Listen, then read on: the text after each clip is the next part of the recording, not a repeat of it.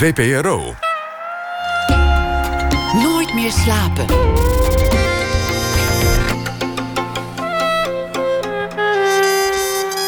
Met Elvie Tromp.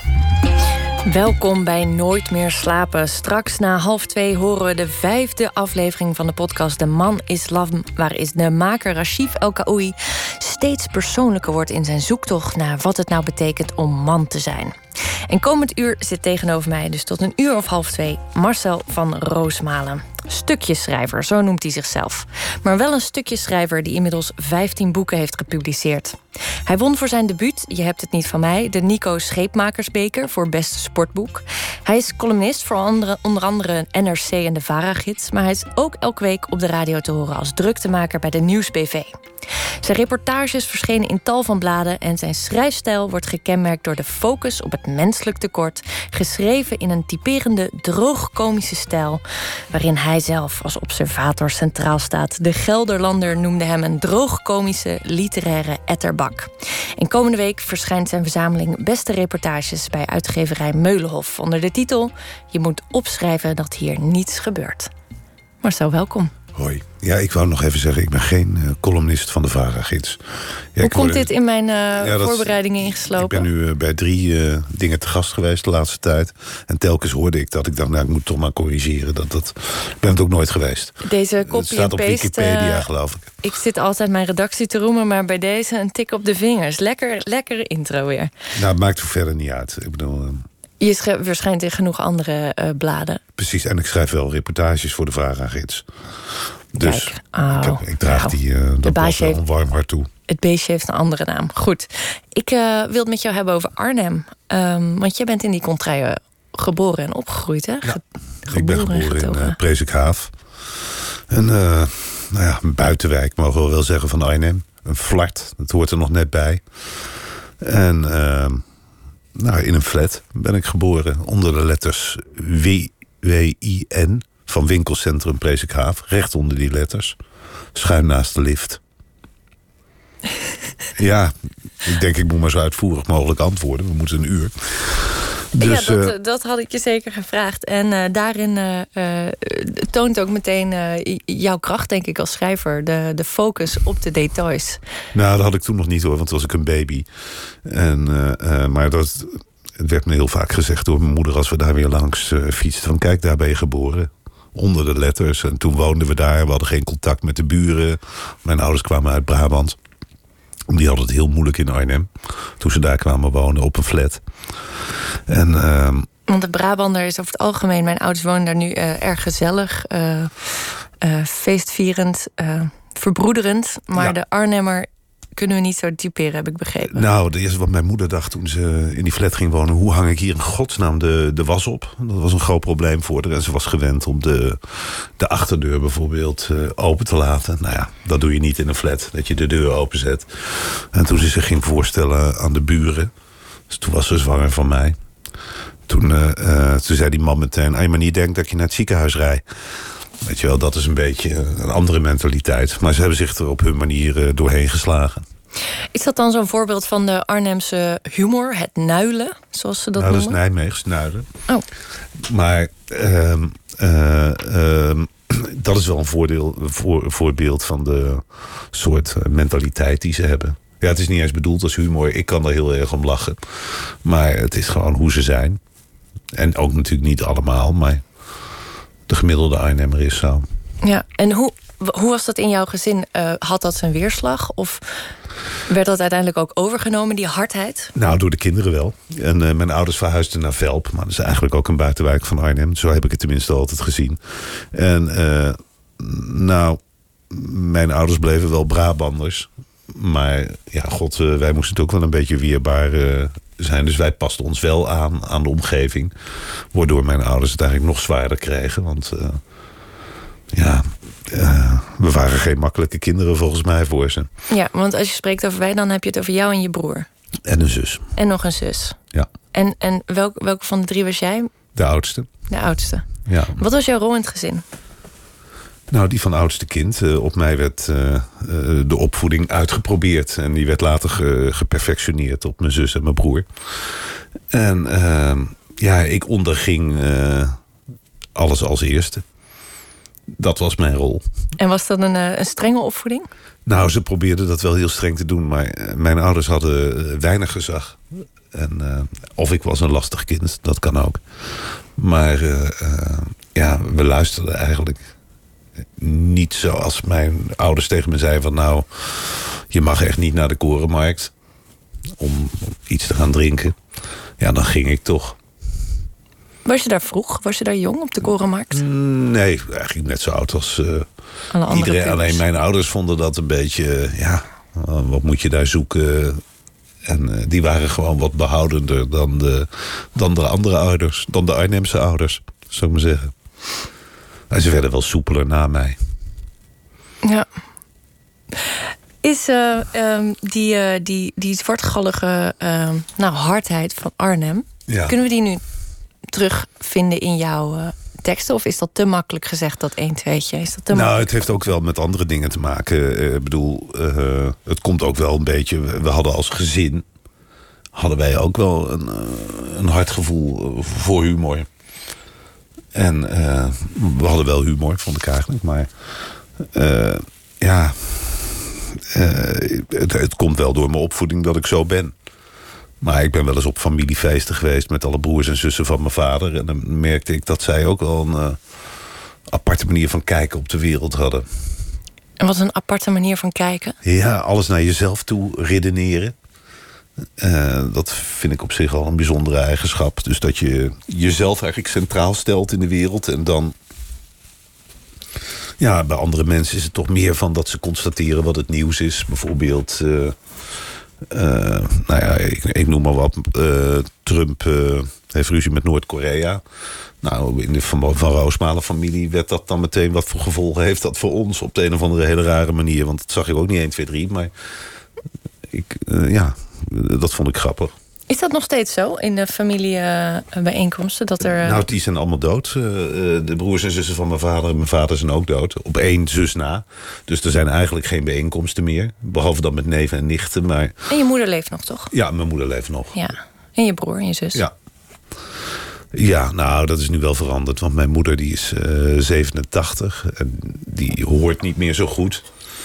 Dus die zegt eigenlijk de hele avond als je daar bent, wat zeg je? En dan zeg ik, ja, zet je, zet je apparaat nou aan.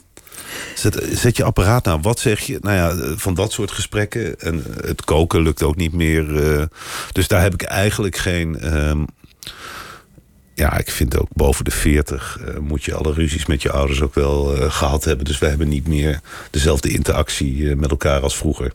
Toen ging het wel hard tegen hard, maar nu, ja... ja nu duld je elkaar. Ja. Liefdevol dulden. Liefdevol dulden. Kunnen we het zo omschrijven? Ja, dat kunnen we wel zo omschrijven.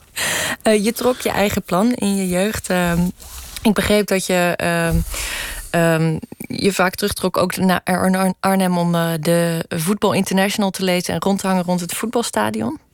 Nou, dat is ook wel. Rond, weer... Mijn middelbare school was naast het Vitesse Stadion. Mm. Dus, nou ja, dan ging je daar wel eens kijken. En um, nou ja, dus rondhangen bij het voetbalstadion klinkt ook wel een beetje treuriger dan het, uh, uh, dan het was. Ehm, ja, ik heb. wat was de vraag ook alweer? Ik, Nou, dat, dat, dat voetbalstadion, daar heb je drie boeken over geschreven.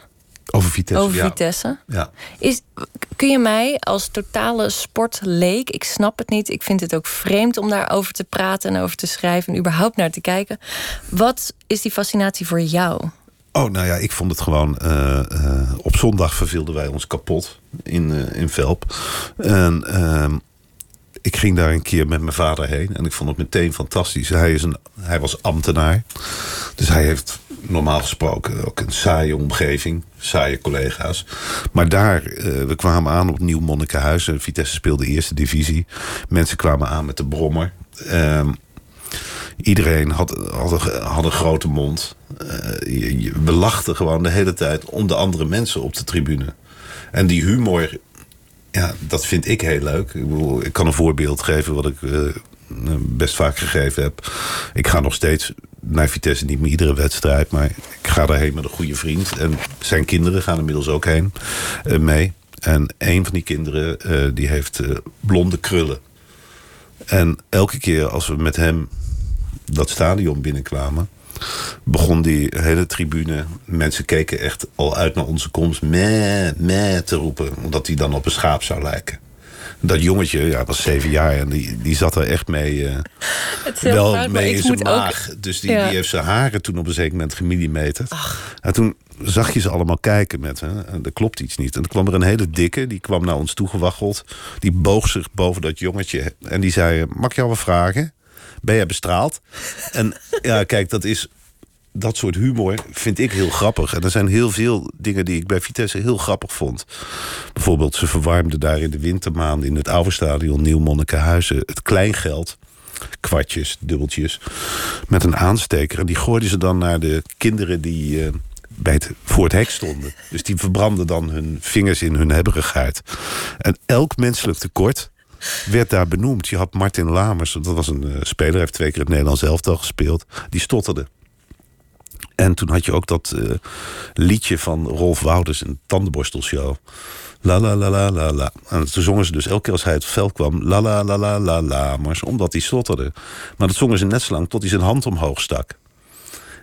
Eh, snap je? Als dat is erkenning van de grap, oh, jullie zijn er ook. Nee, dan hield het tenminste op. Oh, Ik denk dat dat het was. Maar op een bepaalde manier vind ik dat soort... Was jij dan ook zo'n eikel die de, die de dubbeltjes zat te verwarmen? Nee. Of zat je er gewoon heel hard om te lachen? Ik moest er gewoon om lachen. Nee, ik heb geen dubbeltjes. Uh, nee, zover ben ik niet gezonken.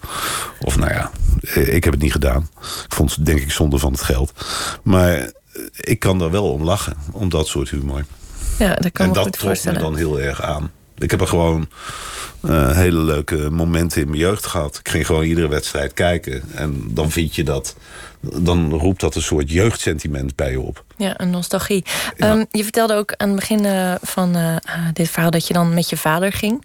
Ja. Um, nou ja, je had daar best wat strijd mee. Je bent nu ook bezig met een boek over hem. Hè? Daar ja, daar ben ik al drie jaar mee bezig. Nou, daar wil ik het straks nog ook over hebben. Ja. Maar waren dat dan ook momenten van verbinding? Of was dat dan toch gewoon... Jawel, je deed tenminste een keer uh, iets samen.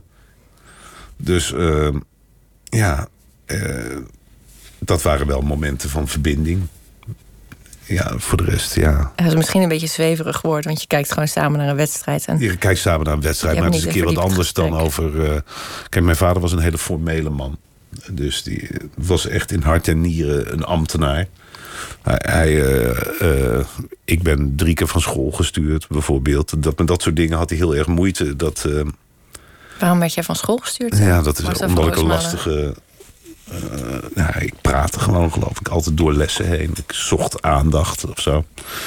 Maar voor hem was dat uh, uh, lastig. Hij was iemand die al zijn. op vakanties nam hij nog zijn rapporten mee. Van, weet ik veel, hij ging over de dijken, was hij verantwoordelijk voor, bij de rivier de Berkel. Ja, dat is natuurlijk heel saai werk sorry. Dat, uh, en hij moest daar ieder jaar rapporten over schrijven. En dan was hij bijvoorbeeld in de vakanties. In Zwitserland huurden we ieder jaar hetzelfde huisje. Zo'n jeugd was het. En dan uh, was hij bezig met die rapporten terwijl wij gingen wandelen. En aan het eind van de vakantie leverde hij zijn rapporten in. Onder andere bij Jan Terlouw. Die was toen commissaris van de Koningin in, in Gelderland. Ja, er wordt heel veel positiefs over Jan Terlouw gezegd. Maar uh, voor mijn vader was hij echt een trauma. Oh ja. On ongelezen werd het rapport afgekeurd. Ach. Nou ja, dat was dan, hè, bij ons in het gezin was dat dan... Uh, nou, heb je nog wat meegemaakt op je werk? Ja, ze hebben het niet eens gelezen, zo. Dus dat vond ik wel zielig voor hem. Dat je dan de hele tijd rapporten zit te maken die uh, ongelezen... en zo maak je een werkend leven vol. Nou ja, toen dacht ik van... nou, dan ga ik wel dingen maken die wel gelezen worden. De kloppen erin. Nee, um, nee, maar dat. Uh, ja. Uh, dus bij Vitesse op de tribune hadden we dan. Uh, hadden we dan wel gesprekken die niet over huiswerk of niet over zijn werk of zo gingen. Het is grappig dat je zegt dat het zo'n. Nou ja, je, je schetst eigenlijk een, een, beeld van een saaie man. Maar je kunt ook zeggen een enorm gepassioneerde man voor wat hij deed. Het is maar net waar je het, accent op legt. Nee, het was plichtsgetrouwheid. Hij deed het niet met plezier. Ja, hij denkt, deed wel dat hij. Maar het was, het was echt plichtsgetrouwheid. Ik keek daar wel. Uh, ik probeerde dat wel te begrijpen, maar ik wilde altijd niet worden wat hij deed. Hoe werd er eigenlijk tegen jou aangekeken uh, toen je de nou ja, journalistieke werk ging doen? Nou, mijn vader vond het echt. Ik ging. Uh, uh, de eerste baan die ik had was bij HP de Tijd. En mijn vader vond. die las die stukjes. Nou, die zei dan bijvoorbeeld dingen. De hoofdredacteur daar heette Bert Vuistje. Die zei altijd, gaf altijd tips. Je moet goed naar hem luisteren, goed naar Vuistje luisteren. Nou ja, vond ik al nergens op slaan als je hem niet kent. En voor de rest, ik deed daar economieredactie samen met een collega die heette Tjeu Vase. Mijn vader vond de artikelen van Tjeu Vase altijd heel goed. En voor mijn artikel schaamde hij zich altijd een beetje. Hij vond het altijd onzin. En dan heeft hij op zich wel een punt dat het. Uh, ja, ik snapte wel dat hij het allemaal niet. Uh, maar het is niet zo dat hij daar nou echt trots op was dat wat ik, wat ik opschrijf. Echt, ja, ze, ze, vonden het helemaal niet. Hij, hij hoopte echt dat ik een keer serieuze artikelen ging schrijven. Ja. Het lijkt me verschrikkelijk om dat mee te maken. Nou, ik heb daar niet echt. Ik, ja, god, als je mee opgegroeid. Ik had ook niet verwacht dat hij het nou geweldig zou vinden. Dan had ik dan ook weer, dan had ik weer gedacht van ja, dan ontbreekt. Maar het, het, lijkt het net of ik geen goede band met hem had. Dat, dat had ik aan het eind zeker wel. Dus uh, het was ook een goede man. Alleen qua levenshouding en werk stonden we ja, toch wel mijlen ver uit elkaar. Ja, jij hebt ik heb begrepen dat uh, vlak voordat hij stierf... dat je dacht, oh, ik ken deze man niet. Nee, dat ik moet maar eens een gesprek met hem voeren. Nee, ik wilde met hem op reis. Ik bedoel, hij had kanker en dan heb je enige voorbereiding. Dus ik dacht, nou ja, goed, weet ik veel. We kunnen toch Santiago de Compostela. Ik bedoel, hij werd aan het eind ook uh, redelijk... Uh, hield zich vast aan het geloof. Dus ik dacht, nou ja, dat is dan wel een leuk... Uh, ik wel een keer daarheen. Uh, Lourdes leek me een beetje te saai. Maar goed, dat, mijn moeder was dan bang dat er van alles zou gebeuren. En uiteindelijk is dat dan geëindigd met een, een middagje kevelaar. Wat ik toch echt wel... Wat is kevelaar? Dat is een bedevaartsplaats vlak over de grens. En nou ja, ja, het viel me een beetje tegen. Ik dacht, nou, dan gaan we dus allemaal dingen zeggen van... Uh, ja, je hebt niet lang meer te leven. Je bent met je zoon... Uh, nou, we gingen op het terrasje zitten. Hij bestelde gewoon koffie. En die zei, uh, ja, wat lekkere koffie. En dat was dan het gesprek. Je komt helemaal niet tot, tot diepere... Hij, ja, hij hoopte vooral dat ik... dat, we, dat ik geen aandacht aan hem zou besteden verder. Hij, hij wilde vergeten worden. Dat is zijn ding. En lo and behold, hij stierf en je besloot een boek over hem te ja, schrijven. Ja, dat heb ik hem nog wel gezegd hoor. Daar was hij het ook helemaal niet mee eens. Volgens mijn moeder uh, kreeg hij daar ook brandend maagzuur van. Want die belde de hele tijd op toen ik dat tegen hem gezegd had. Van nou papa, even weer brandend maagzuur. Ik zei nou ja, hij heeft slokdarmkanker. Uh, kan het natuurlijk ook mee te maken hebben. Hè, dat je dan uh, brandend maagzuur hebt. Maar volgens haar kwam dat toch echt door hetgeen ik had gezegd. Ja, ja, dat, dat, dat, dat is uh, het juk van de, de schrijver die uh, autobiografische elementen gebruikt. Ja. Um, uh, ik, ik word er ook wel eens van verweten. Mijn moeder heeft ooit tegen me gezegd: Ik snap niet waarom ik jou gebaard heb. Nou. Nadat ik over haar had geschreven. heeft het tot grote vetes geleid? Of waren het, was het, bleef het bij het brandende maagzuur? Nou, ik heb niet zoveel over mijn vader geschreven, want die kon er absoluut niet tegen. En ik heb ook een, eh, een broer die, uh, uh, die, die is gehandicapt. Daar schrijf ik eigenlijk ook nooit over. Omdat Wat voor handicap heeft hij? nou, gehandicapt, hij is bijna blind en hij heeft een soort van schizofrenie. Dus dat, daar schrijf ik eigenlijk ook bijna nooit over. Is dat dan toch omdat het te kwetsbaar is? Nou ja, als iemand er niet tegen kan, dan als blijkt dat iemand er niet tegen kan, dan, ja, dan sla ik het. Uh, ja, dan kost het me niet zo heel veel moeite om het niet te doen.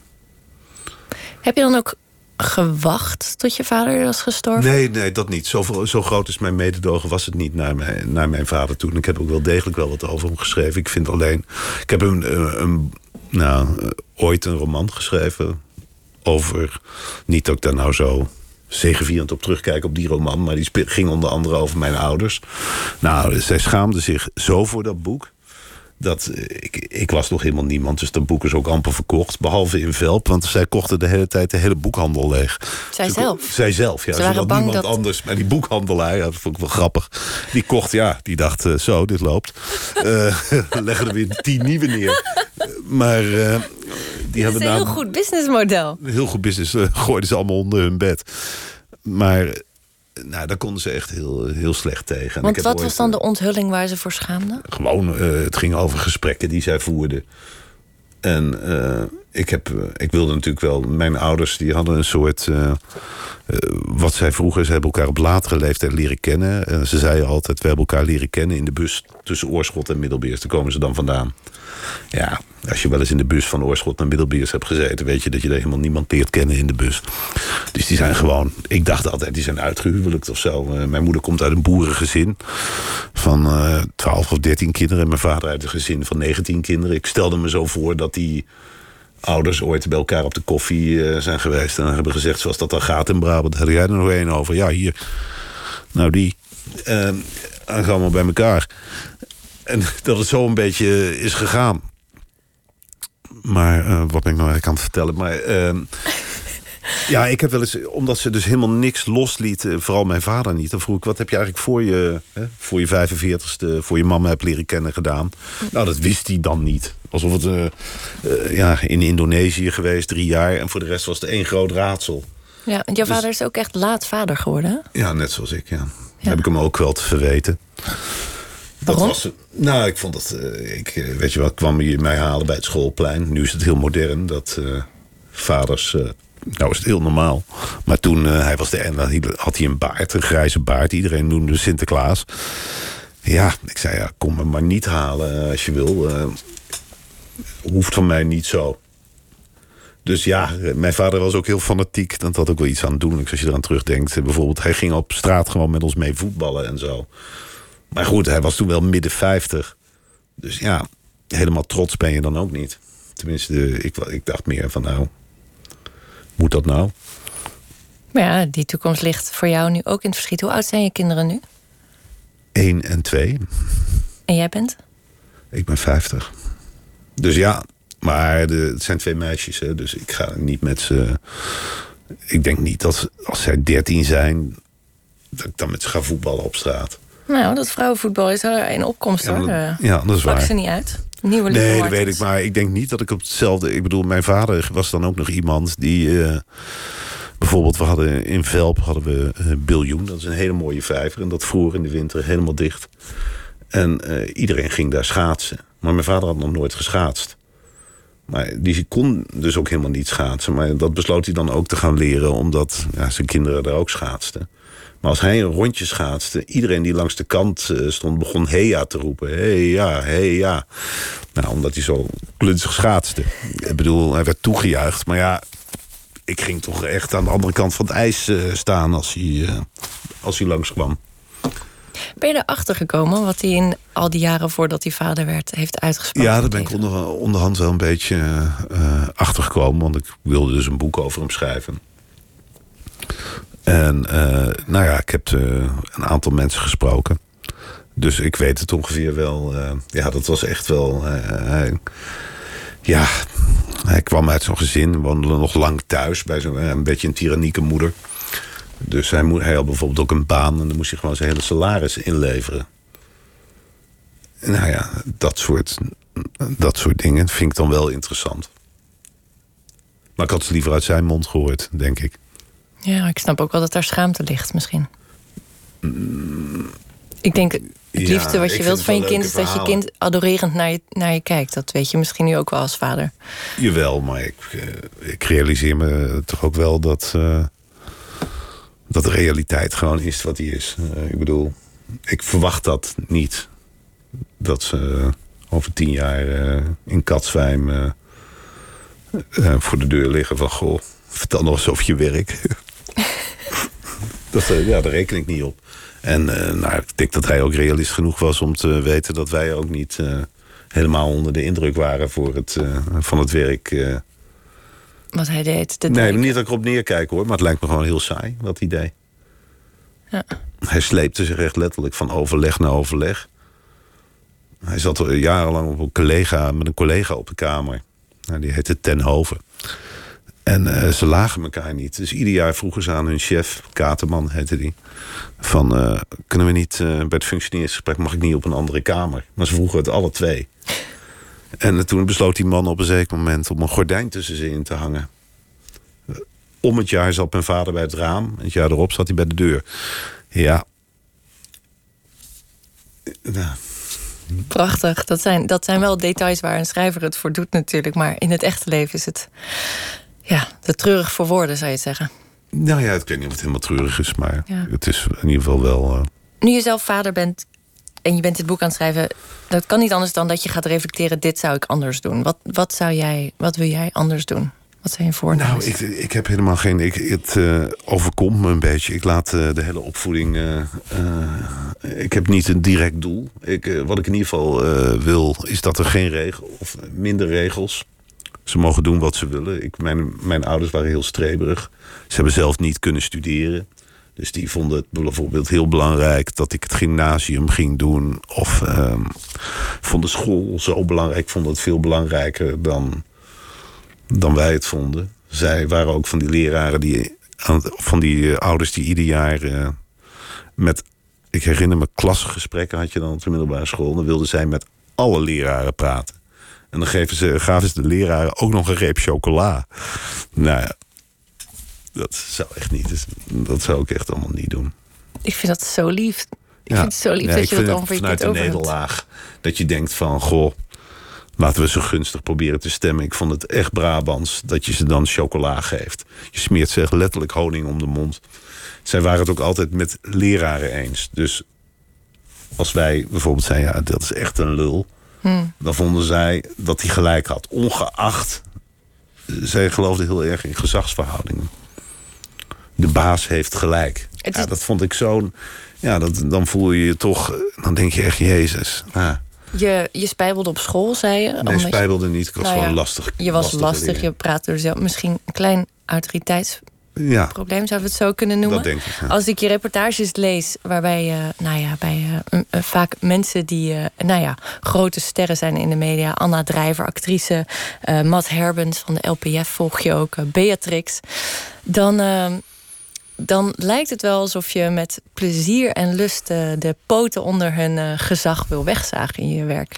Ja, maar wel op een vriendelijke manier hoor. Het is gewoon eh, observeren. Ik ben niet, eh, als je met mij omgaat, denk je niet van goh, wat is dit voor gek? Tenminste, dat hoop ik niet dat ze dat denken. Dus ik, ik vind het allemaal wel binnen. Maar ik vind wel dat, nou ja, dat het ook wel een. Ik, ik gooi het meer op de humor ja, ik vind het altijd grappig als mensen zelf heel graag willen. Perfect zijn. Ja, als, uh, ja ik mag graag naar bijeenkomsten gaan waar mensen zelf op het podium kruipen om iets over zichzelf te vertellen.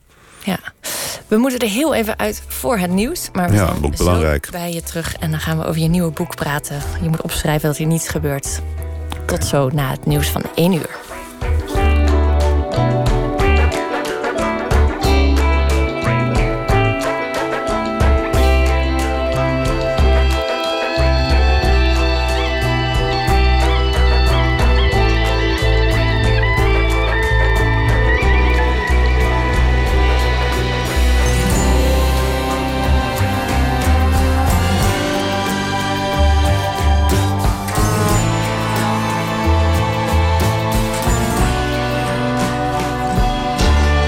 Radio 1. Het nieuws van alle kanten.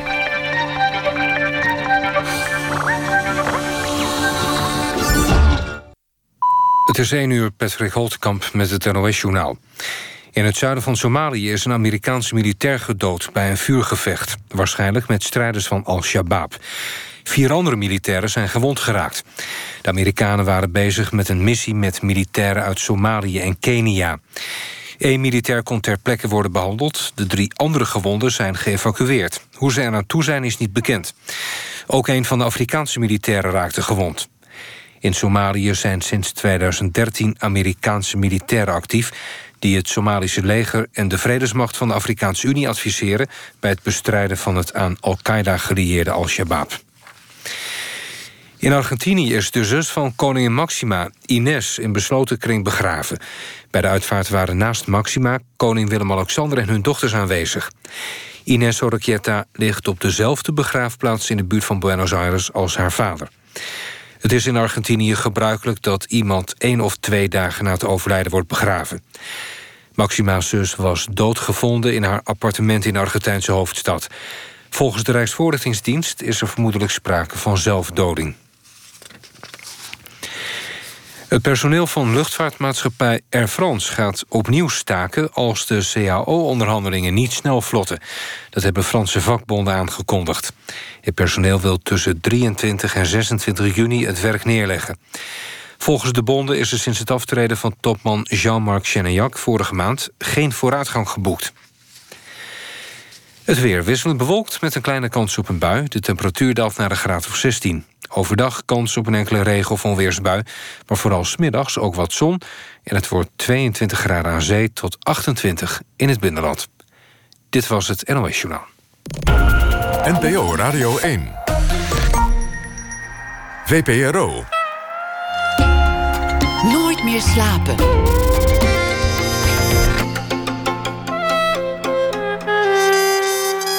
Met Elvie Tromp.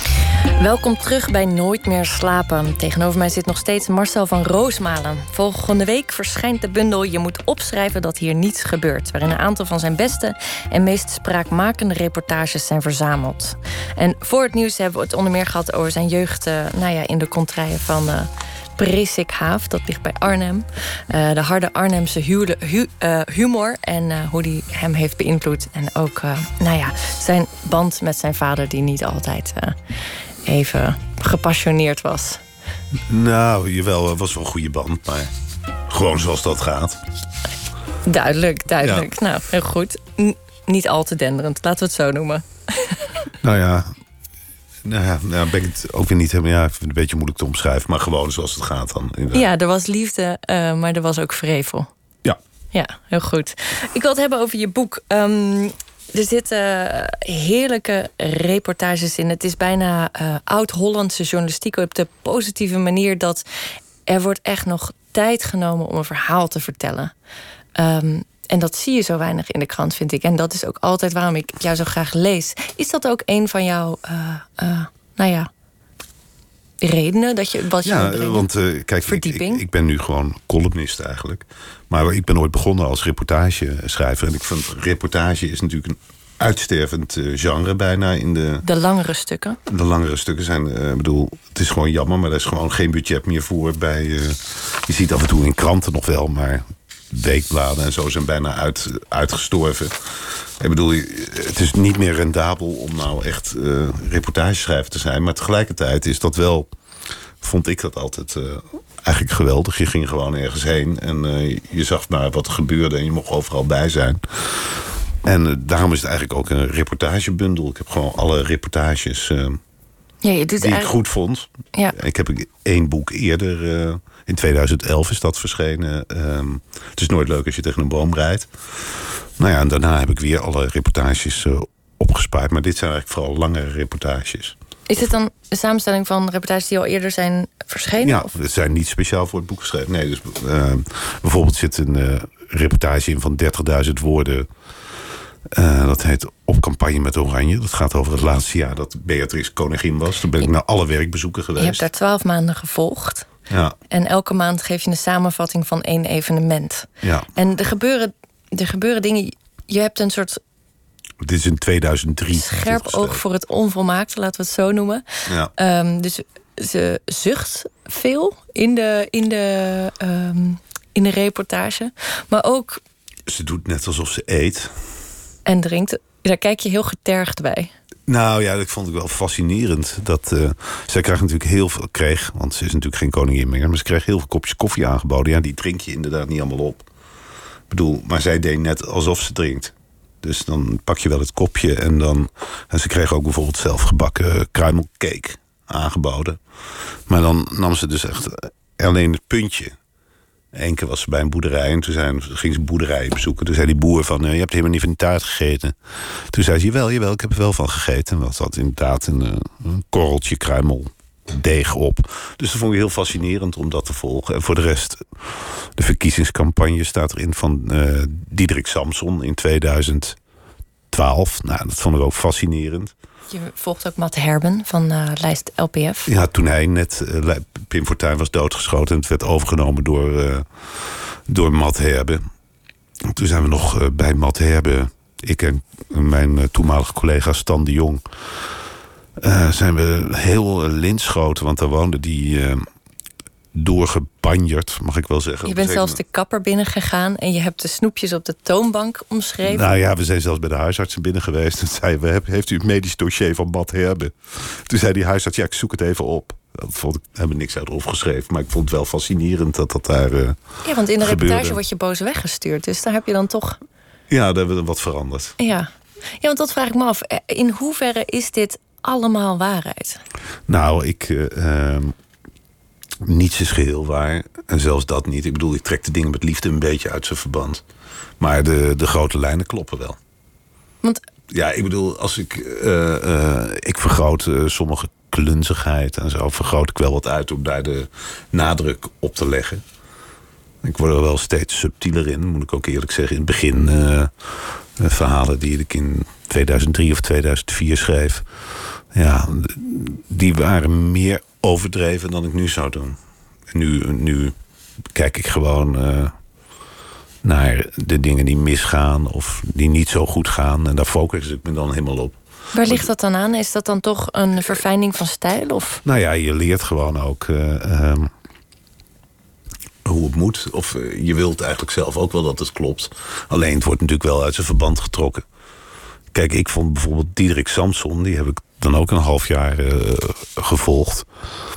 Maar dat vond ik wel fascinerend hoe enthousiast hij was. Ik kon gewoon niet geloven dat je enthousiast bent. Maar op een zeker moment dacht ik, ja, hij is het echt. Dat is toch ook een, een vorm van ziek zijn bijna. He, dat je uh, door het hele land wordt afgekraakt. Niemand ziet je meer zitten. En uh, je blijft maar doorgaan met je enthousiasme. Ja, dat vind ik...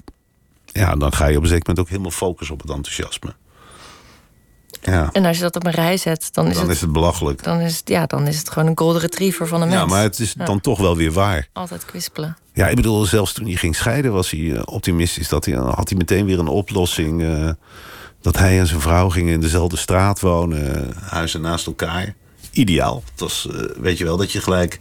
Ik zou zelf zeggen, nou... Uh, als ik ga scheiden, zou, ik ben niet getrouwd, maar we gaan uit elkaar stellen. Dan zou ik echt wel tegen iedereen zeggen dat ik me kut voelde. En uh, ja, toch wel de nadruk daarop leggen. Ja. Maar niet meteen een positieve zien. Ik dacht toen van ja, zo iemand kun je er wel bij hebben. Dacht ik als het oorlog wordt of zo. Ja. Toch zijn er ook stukken waarin, waarin het niet op, op zeg maar, het absurde bijna um, mensen worden getypeerd op hun uh, onvolmaaktheden. Bijvoorbeeld, uh, wat ik wat me heel erg trof was het interview met Wim T. Schippers. Ja. Waarin je zelf eigenlijk niks hoeft te omschrijven en alleen maar hem aan het woord laat. Ja, was hij, uh, hij was na afloop wel niet blij hoor. Maar uh, ja. Ik kan me dat niet voorstellen. Ik vond ik dat het meest treffende portret van Wim T. Schippers. Ja, maar hij maakte het ook weer helemaal cult door dan, uh, herinner ik me nog, uh, ook een belachelijke brief te sturen. Ja, ik vind hem gewoon wel cult, hoe die hij, hij weet wel hoe die uh, een beetje raar kan overkomen. Ja, we, hadden een interview in uh, Café de Jaren in Amsterdam. En ik had een cassette recorder. En ja, het is daar heel veel geroezemoes. Ik weet niet of je er wel eens geweest bent. Maar dat was dus bewust van hem om daar af te spreken. Zodat ik moeite zou hebben om het bandje af te luisteren. En dat zegt hij ook. En dat, dat zegt hij ook. En dat vind ik dus heel grappig als iemand dat doet. Dus dat je, dat je het voor mij ook een kwelling wil maken. Maar ik was voor hem ook een kwelling. Want ik zei toen tegen hem van ja, nou ja. Weet je, dan werk ik het toch gewoon uit mijn hoofd uit weet je wel, ja, zo'n gesprek. En ik vond het wel grappig. Hoe, hij gaat ook steeds verder uh, uh, uh, daarin. Om het voor mij lastig te maken. Nou ja, ik vond dat wel vermakelijk. Ja, want het begint bij zijn nieuwe voorstelling. En dan eindigt het uiteindelijk uit wat voor atomen mensen zijn gemaakt. En het gaat dat was verschrikkelijk. Alle kanten op. Hij, hij, hij, vond het gewoon heel leuk om allerlei vage informatie. Het is grappig dat je zegt dat het verschrikkelijk is. Want ik dacht, oh, jij bewondert hem echt, Wim T. Schipper. Jawel, ja, ik, la, ik las er bewondering wel. in. Jawel, je, je kunt er ook wel bewondering lezen. Maar het is natuurlijk... Dan wil je het ook, als iemand zoveel moeite doet om de boel te ontregelen... wil je het ook wel goed opschrijven. Ja. Dus uiteindelijk zat ik toch dat bandje uh, af te luisteren. Wat zegt hij nou allemaal over atomen en over... Dus dan moest ik heel goed luisteren. Dus dat vind ik dan verschrikkelijk. Ja. ja. De meeste journalisten. is me niet vreemd. Ja, dat is ook iets. Heel, je zegt vaak: ik heb helemaal geen zin ja, in werken ik en ik bereid me zo min mogelijk voor. Ja, nou dat is een beetje, eh, eh, een beetje gespeeld. Maar ik vind dan heb je tenminste wel een frisse houding. Ja, wat, Je brengt, kunt- die werk, wat brengt die werkethiek je dan? Inderdaad, fris, Nou, ik ben wel dat je beter kunt de, observeren? de kracht zit hem in de uitwerking. Dus ik ben wel een perfectionist op mijn manier. Ik kan alleen niet plannen. Ik doe dingen op het laatste moment. En ik vind voorbereiding op dingen. Weet je wel, dan, ga je toch eh, weer doen wat iedereen heeft gedaan. Eh, hoewel, ja, wat, wat ik dan doe is vaak met mensen meelopen. Dus dat is toch al. eh, hoef je ook niet zo goed voor te bereiden, vind ik. Dan gebeurt het toch wel met je. En ik vind het ook wel heel leuk als ze zelf in eigen bewoordingen uitleggen wat ze eigenlijk gaan doen. De meeste journalisten gaan het vak beoefenen om nou ja, ook hun idolen te interviewen. Ja. Ehm, ik heb het idee dat je juist de mensen opzoekt waar je helemaal niks mee hebt. ja, ook. Maar ik heb bijvoorbeeld ook een boek geschreven over Theo Bos, de Vitesse-verdediger. Dat was vroeger een jeugdheld van me. Het is wel zo dat hij me vroeg om dat boek te schrijven, anders had ik het niet gedaan. Maar... Dus het is niet helemaal waar. Ik, Waarom had je het anders niet gedaan? Uh, toch uit een soort zelfpreservatie van. Nou, je, ik, ik, nou gewoon. eh, ja, weet ik niet. Op dat idee was ik niet gekomen. Is dat boek dan, dan ook een hele andere toon? Of zien we daar dan toch Nou, het, het was wel een beetje een andere toon. Want hij vroeg me natuurlijk op het moment dat hij wist dat hij doodging om een boek te schrijven. Dus dan ga je toch iets minder cynisch in dan, eh, dan je normaal eh, zou doen. Ja, hoewel er nog genoeg over. Hij had wel een goed gevoel voor humor. Hij had wel hetzelfde gevoel voor humor als ik. Hij lachte nergens om, behalve bijvoorbeeld als iemand tegen een deur liep. Een soort Laurel en Hardy, Hardy eh, humor. Of Arnhemse humor. Ja, dat is wel Arnhemse humor, ja. Ja, Als iemand ja. pijn heeft, vinden ze daar wel leuk. Ja, ik kan er ook goed om lachen. Ehm, jouw meest gehoorde kritiek is, eh, is eh, dat je op mensen neerkijkt. Eh, Ja, Jacques Monash, eh, ook een, een, een politicus die je hebt gevolgd, die zei: hij schrijft lullige stukjes met dédain. Ja, over hem wel, ja, dat klopt. ja, ik snap wel dat hij het zegt. Ja, luister, die man die heeft hele rare dingen gedaan. En die op een zeker moment... Heeft eh, hij nog een eenmansfractie? hij gebruikte eigenlijk een beetje hij mensen... Zat bij de PvdA. eh, gewone volksmensen moesten dan op hem gaan stemmen. Want hij was dan het ware socialisme. Of zoiets dergelijks. Nou, ik ben een keer bij hem geweest eh, op, de, op de... Hoe heet die markt nou? Ik woonde er om de hoek. eh, nou ja, belachelijk in de pijp. Hm. Nou, die markt. I- eh, ik Nou weet niet, ik kom uit nou ja. Rotterdam. Die markt had, was een stoffenpaleis. En nou ja, die mensen stonden dan ook bij hem op, het, op de lijst. Twee textielhandelaren. Ja, dat vind ik neerbuigend. Dat je die gewone mensen gebruikt om, om zelf de gewone jongen van het volk uit te hangen. Nou, ja, god, dat heb ik beschreven. En dan vindt hij dat weer met dédain. Ja. Nou, het is, het is ook vaker overkomen. Je hebt een eh, uitgebreide ehm, serie artikelen over Betondorp eh, geschreven, waar je zelf Ja. woonde voor de correspondent. En ook daar eh, werd je ja, vermaand eigenlijk dat je een soort naïef Ja, maar dat was, niet door de, had. dat was niet door de bewoners zelf. Want dat waren mijn buren. Dus eh, die, dat vond ik juist wel dapper van mezelf. Dat ik over mijn buren schreef en ik bleef er gewoon wonen. Ja, zeker. Je merkt En, ook... en, en ik kreeg dus kritiek van één man die daar woonde. En dat was een ambtenaar van de provincie Zuid-Holland. Nou, mijn vader was ook een provincieambtenaar, dus ik kende het slag wel. En die vond het dan met dédain. Ja, zelf eh, eh, hoorde die helemaal niet in die buurt. Bij wijze van spreken, zoals ik eigenlijk ook niet hoorde. Dus ik was het helemaal niet mee eens. De enige met wie ik ook, eh, op wie ik ook neerkeek bijna was hij. Omdat hij allemaal verheven ideeën had over die buurt. Terwijl hij gewoon ook maar van buitenaf daar ge- was. Dus nee, maar goed, ja. Eh, klopt. Er eh, wordt wel eens gezegd dat ik dat doe. Maar ik ben het er niet mee eens. Fair enough, ja. Eh, Die eh, Betondorp-artikelen staan er ook in. En dan zie je ook inderdaad, het begint inderdaad... Nou, ik dacht, oeh, oeh. Als je daar begint met praten over Betondorp... kun je daar inderdaad een soort eh, dédain in lezen. Maar er komt ook een enorme liefde voor de volksfiguren.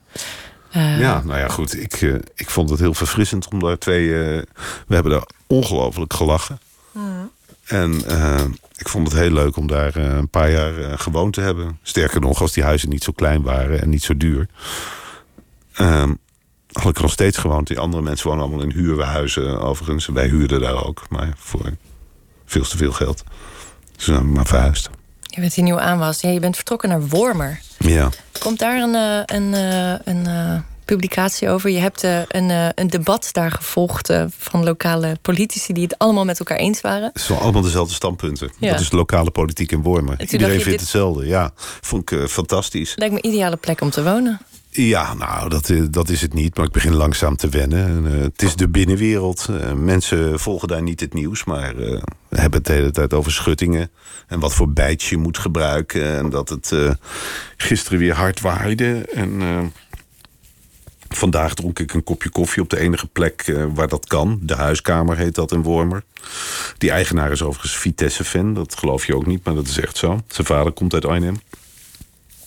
En dan zit ik daar en dan hoor ik dan toch weer een gesprek van eh, vier vrouwen die een eh, feestavond voor een vriendin eh, organiseren. Ja, dat vind ik allemaal van een klein burgerlijkheid. Eh, maar goed, wel fantastisch om af te luisteren. Maar het is een hele andere wereld dan ik gewend ben. Is dat dan het, het ware Nederland, kunnen we het zo Ik zeggen? denk wel dat dit misschien wel het ware Nederland is. Ik weet het niet.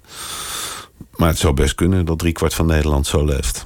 Is dat ook jouw, jouw ambitie om juist dat te laten zien? Van, Nou, ik heb eigenlijk helemaal geen eh, verheven gedachten over wat ik wil laten zien of niet wil laten zien.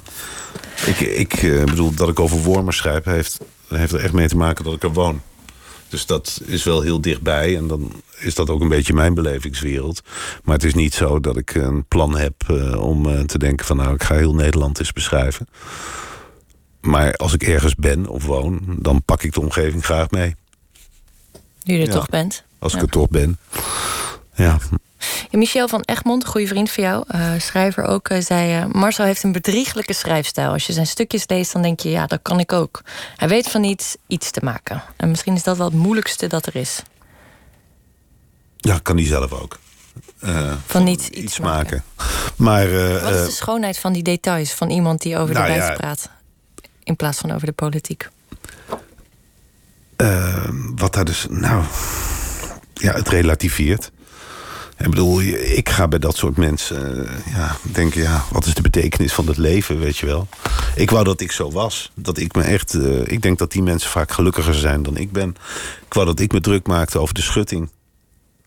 Snap je? Dat ik, dat ik echt dacht van. eh, dat ik wakker werd s'morgens. En dat ik denk, nou, god, als hij maar niet gaat rotten. Ik wou dat ik dat soort gedachten had. Maar ik word meteen weer eh, geplaagd door eh, ambities. Door dingen die ik vind dat ik moet bereiken. of dingen die ik vind dat ik moet doen. Maar het is natuurlijk heerlijk als je zo in elkaar zit. Dat je s'avonds warm eten wil. Twee keer per jaar op vakantie. En voor de rest de schutting, de tuin, de gordijnen. Ja, ik wou dat ik zo in elkaar zat. Lijkt me een zegen. Zou een- voor jou ook goed zijn, voor ons allemaal. Zo willen ze ons ook het liefste hebben, denk ik. Zo worden er geen nachtprogramma's op de radio gemaakt. Nee, Dat is dan wel niet. voorbij. Ja. Nou, gewoon om 11 uur naar bed, radio kan gewoon s'nachts uit. Ja, zet een plaatje op. Ja. Ik wil het met je hebben over Sherry Duins. Ik heb begrepen dat het een heel groot voorbeeld van je is. Nou, een heel groot voorbeeld. Een voorbeeld. wel- Sherry Duins is een, eh, even ter inleiding een VPRO-corrivee. eh, ook een eigenzinnige eh, journalist. eh, heeft vele eh, geroemde documentaires gemaakt over eh, allerlei weet- onderwerpen. Reportages. Is uiteindelijk ook eh, fotograaf geworden. Heeft zelf geschreven. Poëzie, theater. Heeft hij ook nog gemaakt met Armando. Ehm, wat, wat is jouw... eh, wat, waarom vind je hem zo goed? Nou, ik, ik, ik, het was gewoon degene van wie ik het eerst lange reportages las... waarvan ik dacht, hé, hey, dit is heel anders. Hij maakte een reportage over eh, een... eh, ik kreeg een keer een boekje, of ik vond een boekje, geloof op de redactie van HP De Tijd. En er stonden reportages in van hem. En ik vond het, hij ging eh, in die reportage, echt een boekje uit begin jaren 80, 1980 of 1977, weet ik het. Maar hij ging met de trein naar Lourdes, tussen allemaal gehandicapten. En hij beschreef tot in de treuren al die handicaps en hoe het stonk in die coupé. En iets van 19.000 woorden was die reportage. Ik dacht, ja, jezus, dit is wel wat ik ook wel wil doen. En daarna las ik een eh, reportage van hem over op vakantie in Spanje. Dat was toen nog iets bijzonders. Hoe hij op het strand in Benidorm, geloof ik, de Nederlanders observeerde. Dat was, mm, daarna heeft Nieuwe dat duizend keer gedaan, denk ik. Maar hij was de eerste die dat deed. En dat vond ik bijzonder. En voor de rest ken ik hem niet. Ik heb hem één keer eh, in het echt gezien... eh, in café eh, Bloemers in Amsterdam. Daar kwam had hij schijnbaar een overleg. Toen dacht ik, hé, hey, oh grappig, het is Thierry Duins. Ik ga even zeggen dat ik, eh, zijn boekje heel goed vond. Nou, dat werd niet helemaal op prijs gesteld. Ik geloof dat ik een hele belangrijke eh, vergadering onderbrak of zo. Maar eh, nee, ja, goed. Dus daar blijft het wel bij. Maar ik, dat heeft me wel op het spoor gezet om iets te doen. Dus ik heb wel een paar keer in interviews gezegd, volgens mij, dat ik hem wel bijzonder vind. Maar het is niet zo dat ik, ik alles van Sherry Duins ben gaan lezen daarna of zo. Maar dat, ik vond die reportages gewoon wel goed. Ja, ik, ik heb een reportage meegenomen, want van ik heb begrepen dat hij jou heel erg um, heeft gegrepen. De, een zondag langs spoor 1A. Ja, dat ging over. Uh, Zou je een stukje willen voorlezen? Van die reportage van ja, hem? ik heb hem hier staan. Ja, nou, ik, ik, kun, dan hebben we meteen handen ik weet helemaal niet wat ik ga voorlezen. Nou, gewoon even een stukje eerste pagina. Een hele eerste pagina. Nou, Oké. Okay. Zullen we hem tot. Uh, zo, tot daar. Oké. Okay. Nou oké, daar gaan we. Het is dus geschreven door Sherry Duins. De man, zit op een bank, de man zit op een bank langs spoor 1A en speelt met zijn gouden ring. Pijzend, pijnzend bekijkt hij een drietal mussen... die zich vlak voor zijn voeten bedrijvig voor de geringe, over de geringe overblijfselen van een amandelbroodje buigen. Hij draagt een ouderwets gestreepte broek, een shovel geruit colbertjasje, daaronder een wollen vest met ritsluiting, een roze overhemd zonder stropdas. In een doorschijnende plastic draagtas, die hij naast zich op de bank heeft staan, zie ik een handdoek en een banaan. Goedemorgen, spreekt u Nederlands? Het gelooide gelaat wendt zich mijn kant op. De man wijst op zijn oren en maakt een hulpeloos gebaar. Spreekt u Nederlands? Hij glimlacht verlegen en zegt: Turkisch. Een ongepolijste vingernagel tikt hij op een rood speldje... tot op een van zijn revers is bevestigd. Goedenavond kan hij wel zeggen, klinkt het plotseling naast me. Een oude, slecht geschoren man in een morsig donkerblauw kostuum... buigt wat naar voren. Hij knikt naar de gegeneerde Turk en knijpt de ogen goedmoedig toe. Moeilijk voor ze, hè, praten, zegt de oude man op een toon... alsof hier geestelijke onvolwaardigheid in het geding is. Nou ja, vind ik... Uh, ja, best grappig. Het is ook wel een tijdsbeeld wat uh, gegeven wordt. Dit was natuurlijk toen heel bijzonder. Vind je het een compliment als ik zeg dat jij het had kunnen schrijven? Ja, in dit geval vind ik het... Ja, ik wist niet precies wat ik ging voorlezen. Dus ik hakkelde een beetje. Ik dacht, ja, wat ga ik nou eigenlijk voorlezen? Maar dit is... Uh, uh, ja hoor, vind ik best een compliment. Ja, er zit er zelf een soort achterloosheid in. Er zit ook wel humor in, want het verhaal... Ja, ik las het niet verder, want ik moest met mijn hand over dat ding... en dan gaat er iets mis. Ik vind het wel grappig dat die man, die Turk, daarna... allerlei dingen laat zeggen. Ik bedoel, hij zet eigenlijk de goedwillende Nederlander uh, voor lul. Ja, en het ongemak. Ja. Ja, is, dus, staat centraal. Ja. Nee hoor, dat vind ik best een compliment. Is het ook dat je jezelf zo beziet als een onhandige man? Zit je jezelf ook vaak zo te bekritiseren of te bekijken? Nou, ik bekijk mezelf wel kritisch. Ik, uh, uh, ik weet niet of ik onhandig... Uh, of dat nou het eerste woord is wat me te binnen schiet. Ik denk wel dat, dat ik van mezelf zou denken... joh, ga eens weg. Heb je niks anders... irritant zwijgende persoon die erbij staat... of in één keer dingen beter weet. Ik kan me best voorstellen dat mensen zo naar me kijken. Onhandig denk ik dat wel meevalt. Hoewel in mijn directe omgeving misschien mensen nu zullen zeggen... nou, handig ben je niet. Ja. Uh, je zet ook af en toe de, uh, de, spotlight uh, op jezelf in je teksten. Je hebt een, een verzameld werk samen met je vriendin, journalist Eva Hoeken... Ja. geschreven over de babycolumns. Ja. Uh, waarin je natuurlijk uh, veelvuldig uh, zelf ten tonele schrijft. Is het ongemakkelijk om over jezelf te schrijven? Of zie je jezelf makkelijk als personage? Nou, eigenlijk schrijf ik... zijn al die reportages ook een beetje... gaan natuurlijk ook een beetje over mij. Over de manier waarop ik naar dingen kijk. Dus dat kan voor een deel ook aan mij liggen. Nou, en over die babycolumns, ja, dat was gewoon... Ik dacht, goh, het is best leuk om alles wat we over baby krijgen te maken hebben... in één boekje te doen. Dat was het idee. Ja, is het ongemakkelijk. Het is ook wel iets wat uh, heel publicerend Nederland wel doet. Hè? Uh, ja. Als zodra ze een kind krijgen, is het erover schrijven en cashen. Ja, origineel is het niet. Uh, nou, cashen was het ook niet. Ik bedoel, het was wel bundelen. De baby en het boek. Nee, op een zeker moment, ja, god, Weet je wel, je maakt zo. Ik vind het best een leuk uh, boekje geworden. Zo, je ligt in een rijtje met Daphne Dekkers. Met, uh... Nou, dat vond ik wel bezwaarlijk. Omdat ik dacht, Jezus, ik word helemaal niet op waarde. Dat is gewoon echt een leuk boekje. Over, uh, maar zeker wel met een soort cynisme geschreven. Maar ik heb bij Koffietijd gezeten en uh, daarover luiers gehad. Ehm, we hebben toen bij het programma Jinek gezeten... met de mededeling dat we een kind hadden gekregen. En voor de rest allemaal damesbladen over de vloer... die allemaal wilden weten... ja, hoe doe je dat nou? Luiers en uh, papadag enzovoort. Ik dacht, ja, is precies niet wat het is dat boekje was gewoon, als je een beetje tong in cheek, een beetje grappig bedoelde reportage. Ik had helemaal geen zin om allemaal interviews over mijn vaderschap te gaan geven. Dat had een beetje onderschat. Weet je, ook de clichés waar je dan in belandt. Ik ben de rommelkont, zij is de opgeruimde. Ja. Vind je het moeilijk om jezelf uh, terug te lezen in andermans uh, reportages? Om mezelf terug te lezen ja, in andermans dan, reportage? Dan, dan, is, nee, dan lees je jezelf terug door andermans uh, nee, hoor, ogen getypeerd. Ja, dat mag. Dat, dat staat... Dat staat hen vrij. Ja. Of je het ermee eens bent. Ja, maar dan... Eh, stel dat ik me nou echt zo erg... dan zou ik het niet lezen. Nee. Maar dat is tot nu toe niet gebeurd. Nee, ik vind dat niet echt heel moeilijk. Nee. Ik vind het ook wel, ja... Je moet het ook niet erger maken dan het is... om beschreven te worden in een tijdschrift of een krant.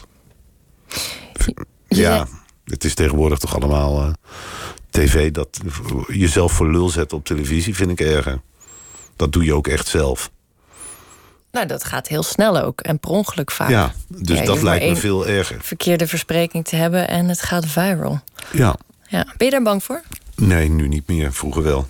Vroeger dacht ik, uh, nu, nu heb ik niet meer zoveel schroom of zo. Maar vroeger, vroeger had ik dat wel. Wat is er veranderd? Weet ik eigenlijk niet.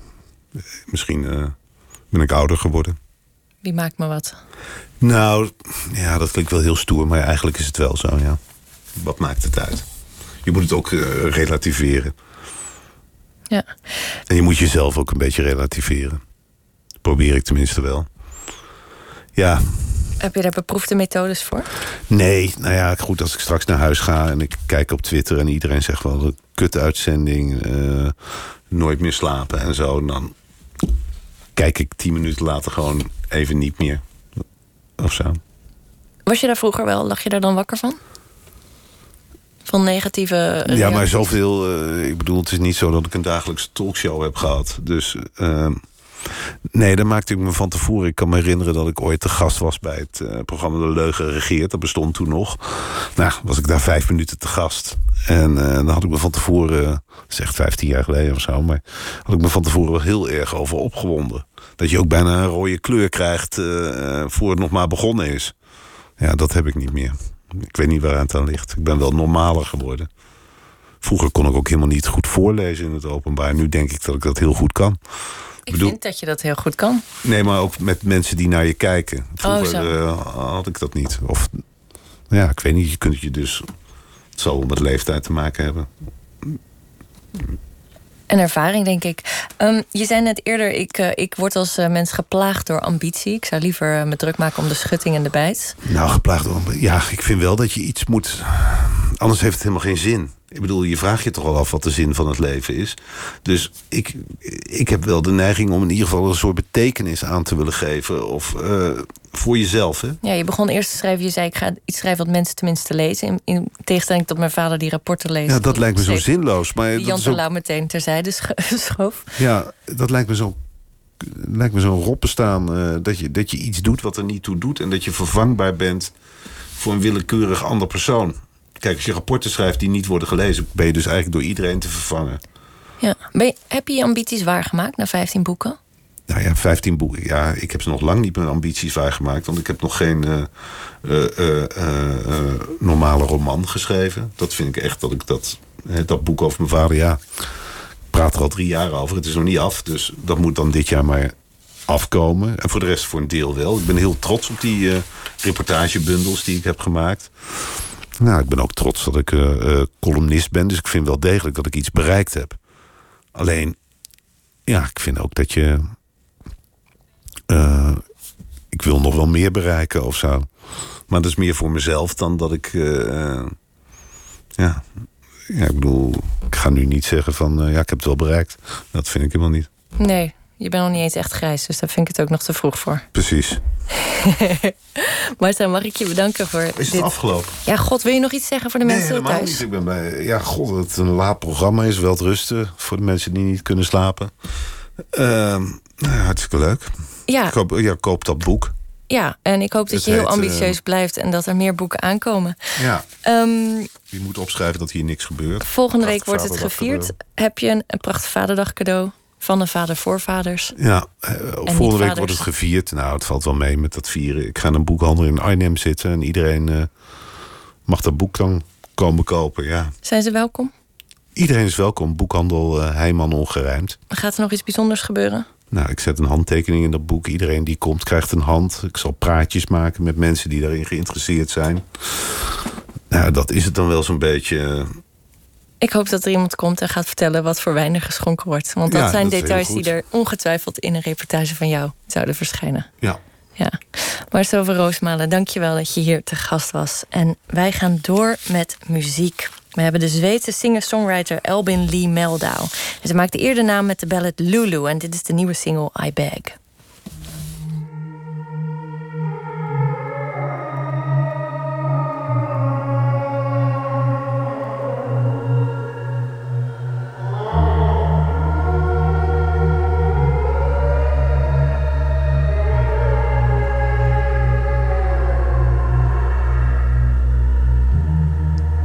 Above my heartache. Look at the stars shining bright. They've been shining on my heartache for eternity, and it seems like we go on and on and on while we keep on singing them same old songs with them same clothes on. What's going on? something's wrong. Roll the dice. If you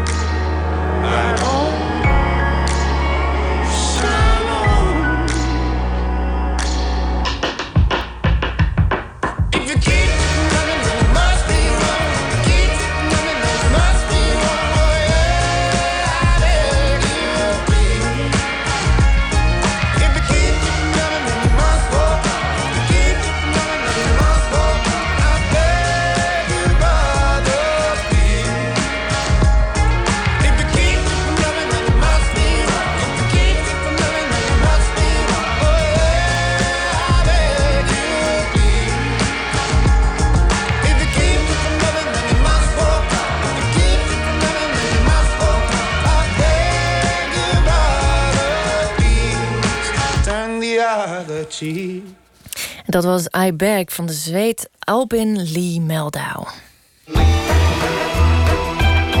Nooit meer slapen. Eindelijk wordt mijn lang gekoesterde vraag beantwoord. Wat betekent het om man te zijn? We zijn aangekomen bij de podcastserie De Man is Lam van Rashif El Kaoui. En hij gaat mij vertellen wat het betekent om man te zijn in de 21ste eeuw. En vanavond is de vijfde aflevering waarin Rashif's zoektocht naar het man zijn samen komt te vallen met de zoektocht naar zijn vader.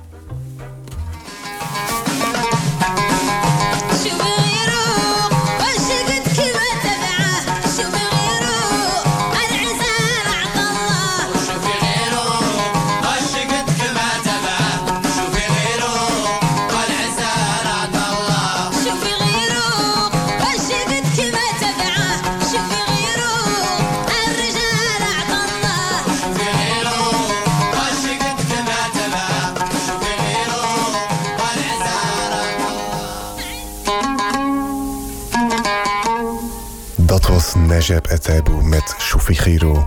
Een nummer waarin een vrouw een smeekbede doet aan de maîtresse van haar echtgenoot om hem met rust te laten. Hallo en welkom bij de Man Islam podcast. Mijn naam is El Kawi en ik zal u de komende afleveringen meenemen op mijn zoektocht naar man zijn en naar wat dat in godsnaam hoort te betekenen. In de vorige aflevering kon u luisteren naar wat vrouwen over mannen dachten en deelde ik met jullie een brief aan mijn overleden vader. De man-islam is naast een maatschappelijke zoektocht ook een persoonlijke zoektocht geworden.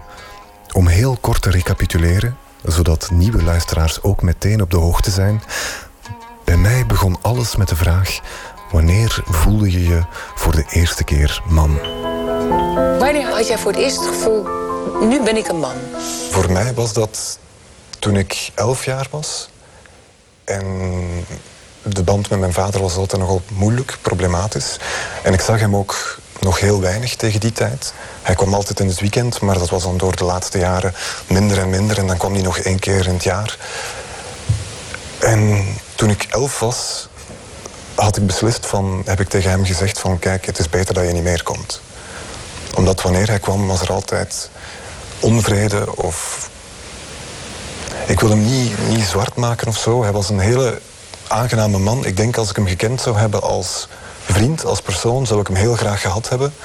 Maar als vader en als man was die niet toereikend. Laten we het zo zeggen.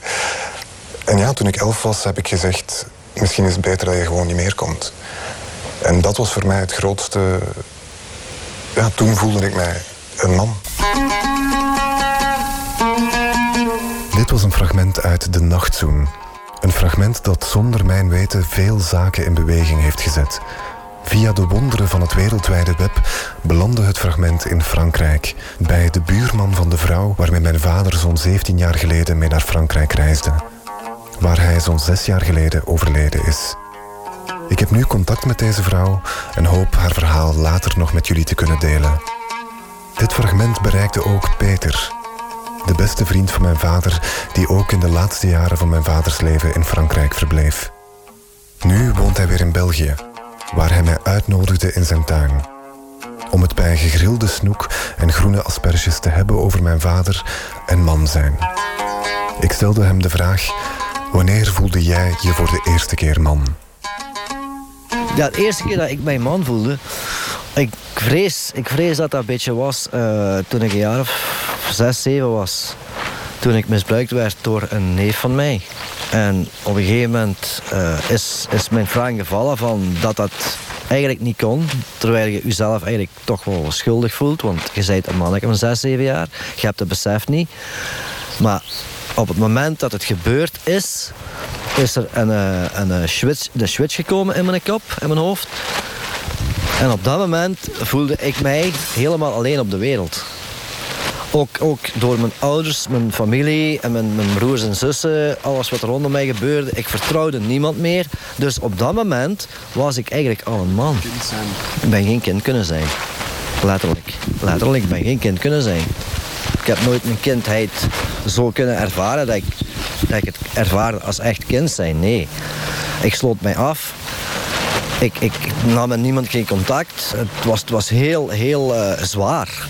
Het is heel zwaar geweest voor mij. Dat, dat, dat, merk ik nu pas. Naderhand, naderhand ziet je dat pas.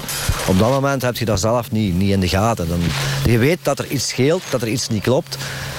En, en je probeert te zoeken en te vinden van wat scheelt er met mij, wat scheelt er met mij. Maar eigenlijk scheelt er niks met u. Er scheelt niks met mij. Het zijn zij die het gedaan hebben. Daar scheelt iets mee. Dit antwoord had ik niet verwacht. Ik vraag hem of hij dit ooit tegen iemand verteld heeft. Tegen Ahmed Al-Kawi. Ja, hij was de eerste waar ik dat tegen verteld heb.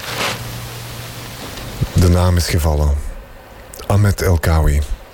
De naam van mijn vader. Zelfs nu aanwezig in zijn afwezigheid. Een man moet een macho zijn. Vroeger was dat zo. hè. Vroeger moest een man een macho zijn. En ik was dan ook wel een macho, omdat ik dacht dat dat zo hoorde. Naderhand is me mijn flank natuurlijk gevallen dat dat dikke lari in apenkool is. Maar, maar ik was echt gespierd en ik, ik, kon, ik kon heel veel. Dus toen voelde ik mij ook een man. Ik was eigenlijk heel verlegen. Want de eerste vrouw die ik, die, ik, die ik heb gehad, toen was ik 17 en zij was 22. Die leeftijd is dan een immens leeftijdsverschil. Dus eigenlijk heeft die vrouw mij, want eigenlijk was dan vroeger een knappe Adonis, eigenlijk, hè, grulletjes. Hè, hè, nu wat minder. maar, hè, dus eigenlijk heeft die vrouw mij ook wel een beetje gebruikt, naderhand bekeken. Dan, op dat moment heb je dat niet door. Dat was een hele mooie vrouw, ja, en dat, dat was ja, seks, seks, seks natuurlijk, maar als jongeling heb je dat niet door. Ik heb, ik heb veel vrouwen gehad, dan, ik geef dat ook eerlijk toe, ik heb veel vrouwen gehad om dat te compenseren wat ik vroeger niet heb gehad. Veronderstel ik nu en naderhand bekeken denk ik van, ah ja, al die relaties die ik heb gehad, al de vrouwen die ik heb versierd of zij mij, is een gevolg van wat ik vroeger tekort heb gehad in mijn kindheid en mijn jeugd. En ik dacht van, ah ja, als ik, als ik op stap ga en ik kan vrouwen en dit en dat, dan, dan is die leegte weg. Maar dat is dus niet waar, die leegte gaat, die gaat niet weg. Die blijft gewoon bestaan. Ik vluchtte van de realiteit. Want ik kon, de, ik kon de realiteit niet aan. Want de realiteit was van dat er iemand achter mij stond die mij mis- misbruikt. Die realiteit die wou ik niet.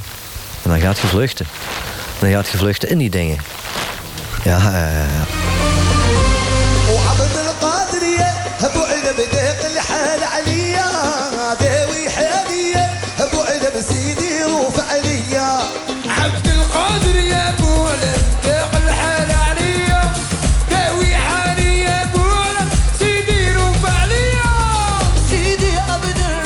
Wat wij vooral deden met, met, met dat kliksje dat wij hebben, hadden, wij konden de boel op gang brengen.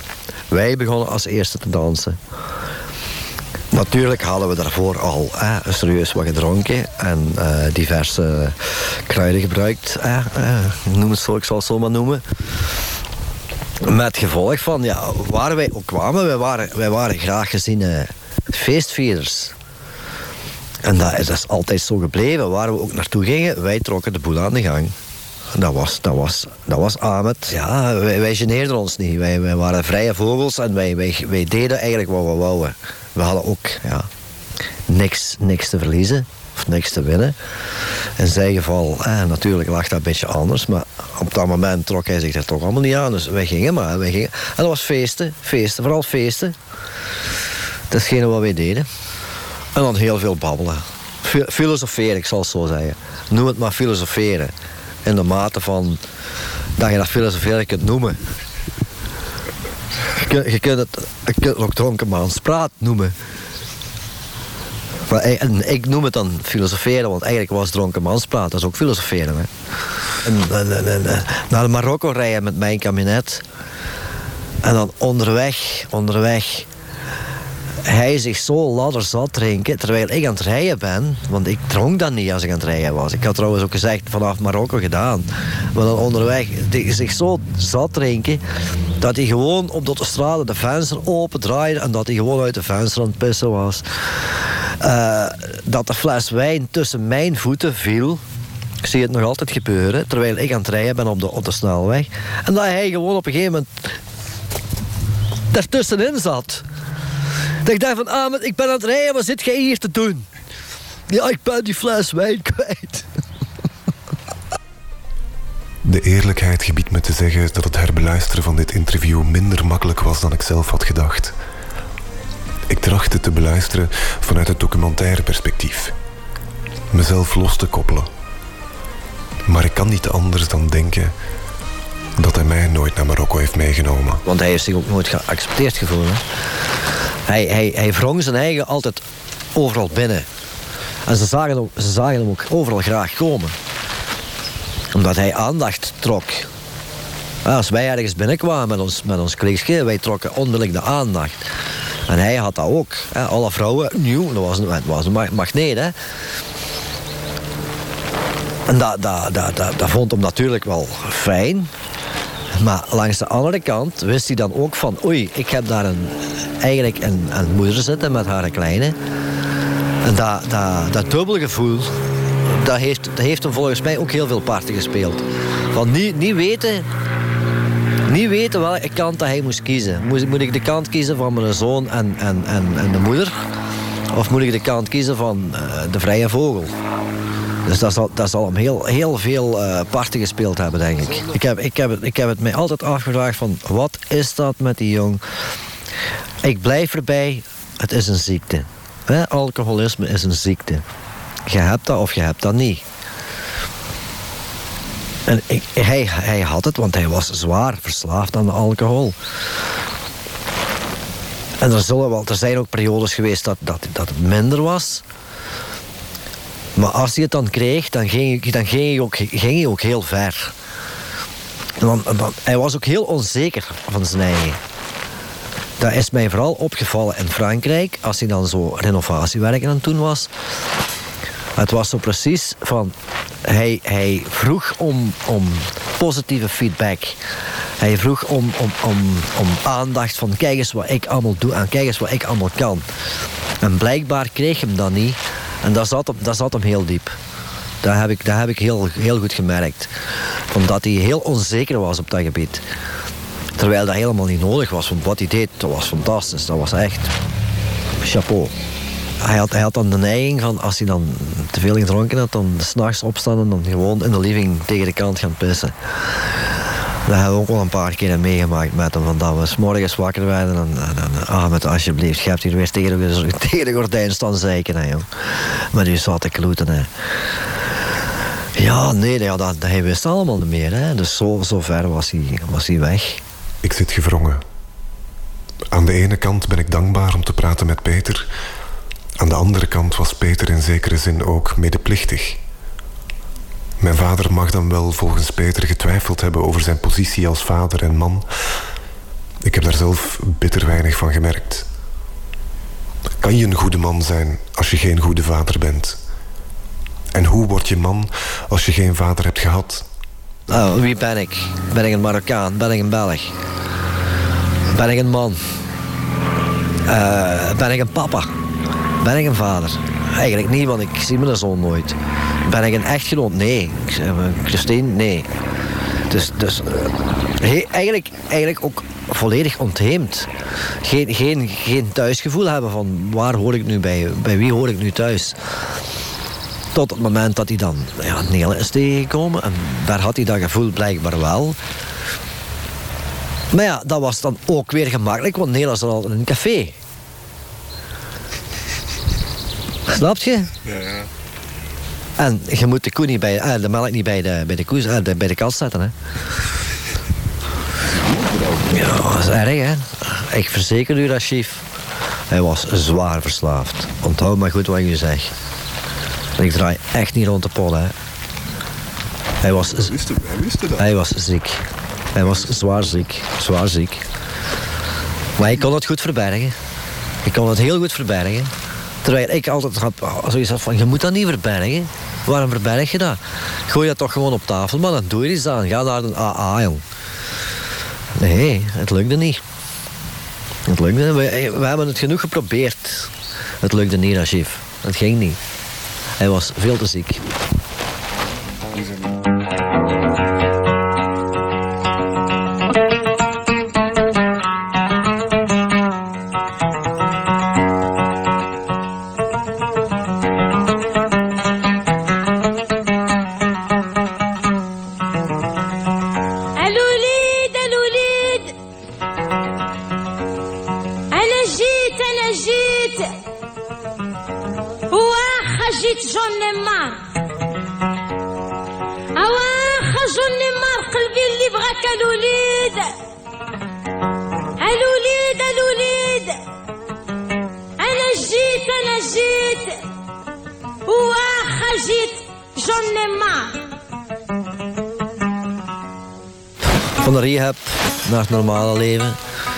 Terug hervallen.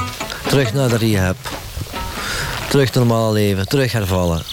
Dat, was de laatste, dat zijn de laatste jaren geweest. Altijd opnieuw. Hij wou absoluut een kleine. Hij wou Delphine absoluut een kleine geven, ja. Want Delphine was een jonge vrouw. Maar door het feit dat dat niet lukte... was hem heel erg in zijn ego gekrenkt. Ik merkte dat goed genoeg van. Dat was, dat was, wow, dat was, eh, dat was het ergste wat, wat hem in zijn leven is overkomen. Van, ik, heb, ik heb nu eindelijk een, een jonge vriendin, eh, Delphine, en, eh, en ik kan ze geen kleine geven. Want ze zijn daar dikwijls voor naar de kliniek gegaan om dat terug te laten herstellen. Eh, met, met inseminatie, noem het maar op. Ze hebben van alles geprobeerd. En het is niet gelukt. En daar, daar was hij echt heel zwaar van aangeslagen. Vooral omdat hem dat in zijn ego heeft gepakt. Van dat hij als man, tussen haakjes, de droom niet kon waarmaken van de vrouw waar hij bij was. Hij kon haar geen kleine geven. Kort na mijn geboorte suggereerde mijn moeder dat het misschien beter zou zijn als ze zich liet steriliseren. Hij heeft dit toen ook zonder veel protest gedaan. Delphine is de naam van de vrouw waarmee hij zijn laatste jaren mee doorbracht. Het feitje van de nieuwe kinderwens was nieuw voor mij. Wou hij het opnieuw proberen? Was hij eindelijk klaar om vader te zijn? Ahmed is nooit gestopt met drinken. Ja, papa is nooit... Jawel, sporadisch, tijdelijk. Tijdelijk was hij gestopt. En dan moest hij weer een rehab. En dan duurde dat weer een paar weken en dan ging hij toch weer.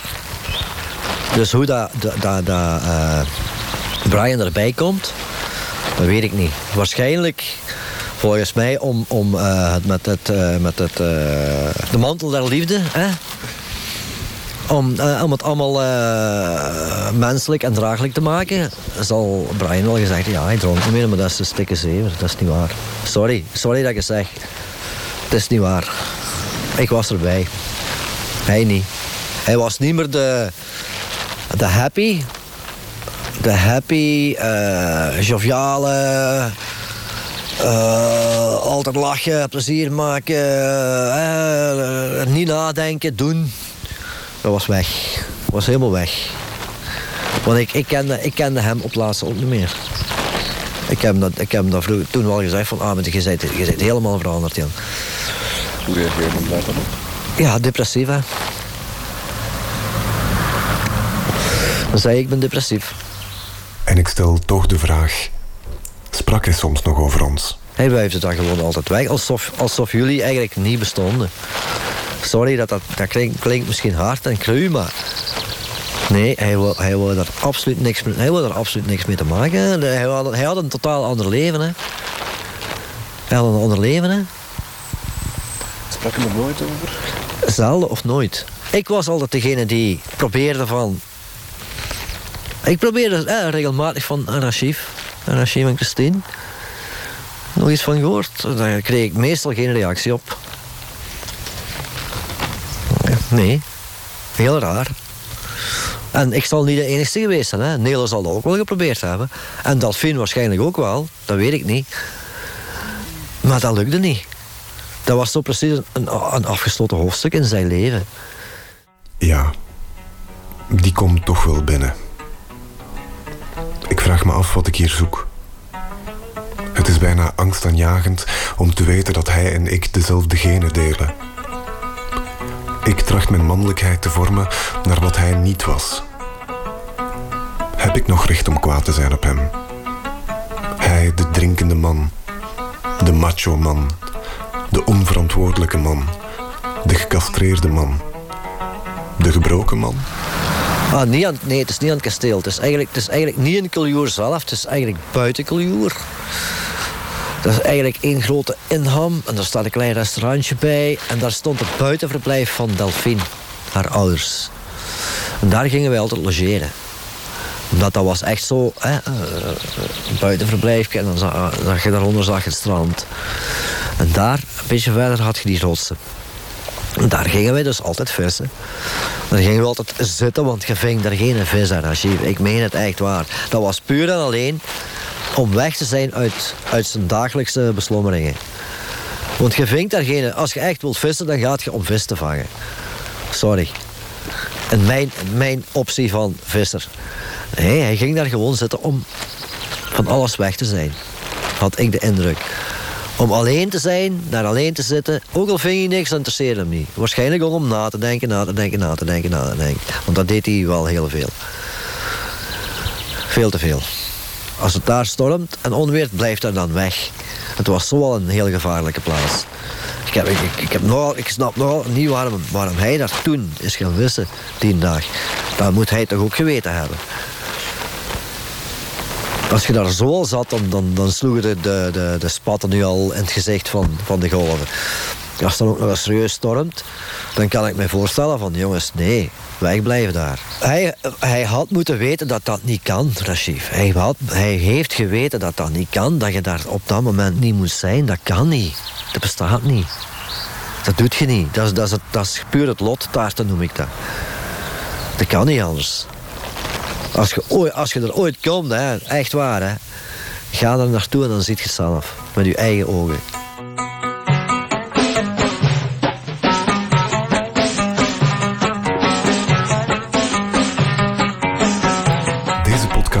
Geschreven en verteld door Rachid Elkaoui en geëdit door Chris Humé en Fien Leijzen. Deze podcast is een onderdeel van het project De Man is Lam, een zoektocht naar man zijn in theater, fotografie en radio. En werd gecreëerd door Rachid Elkaoui, Lucas de Man en Ahmed Polat. Dit project kwam tot stand met de steun van Stichting Nieuwe Helden, Stage Set van Theater Zuidplein, Het Zuidelijk Toneel en VPRO Nooit meer slapen.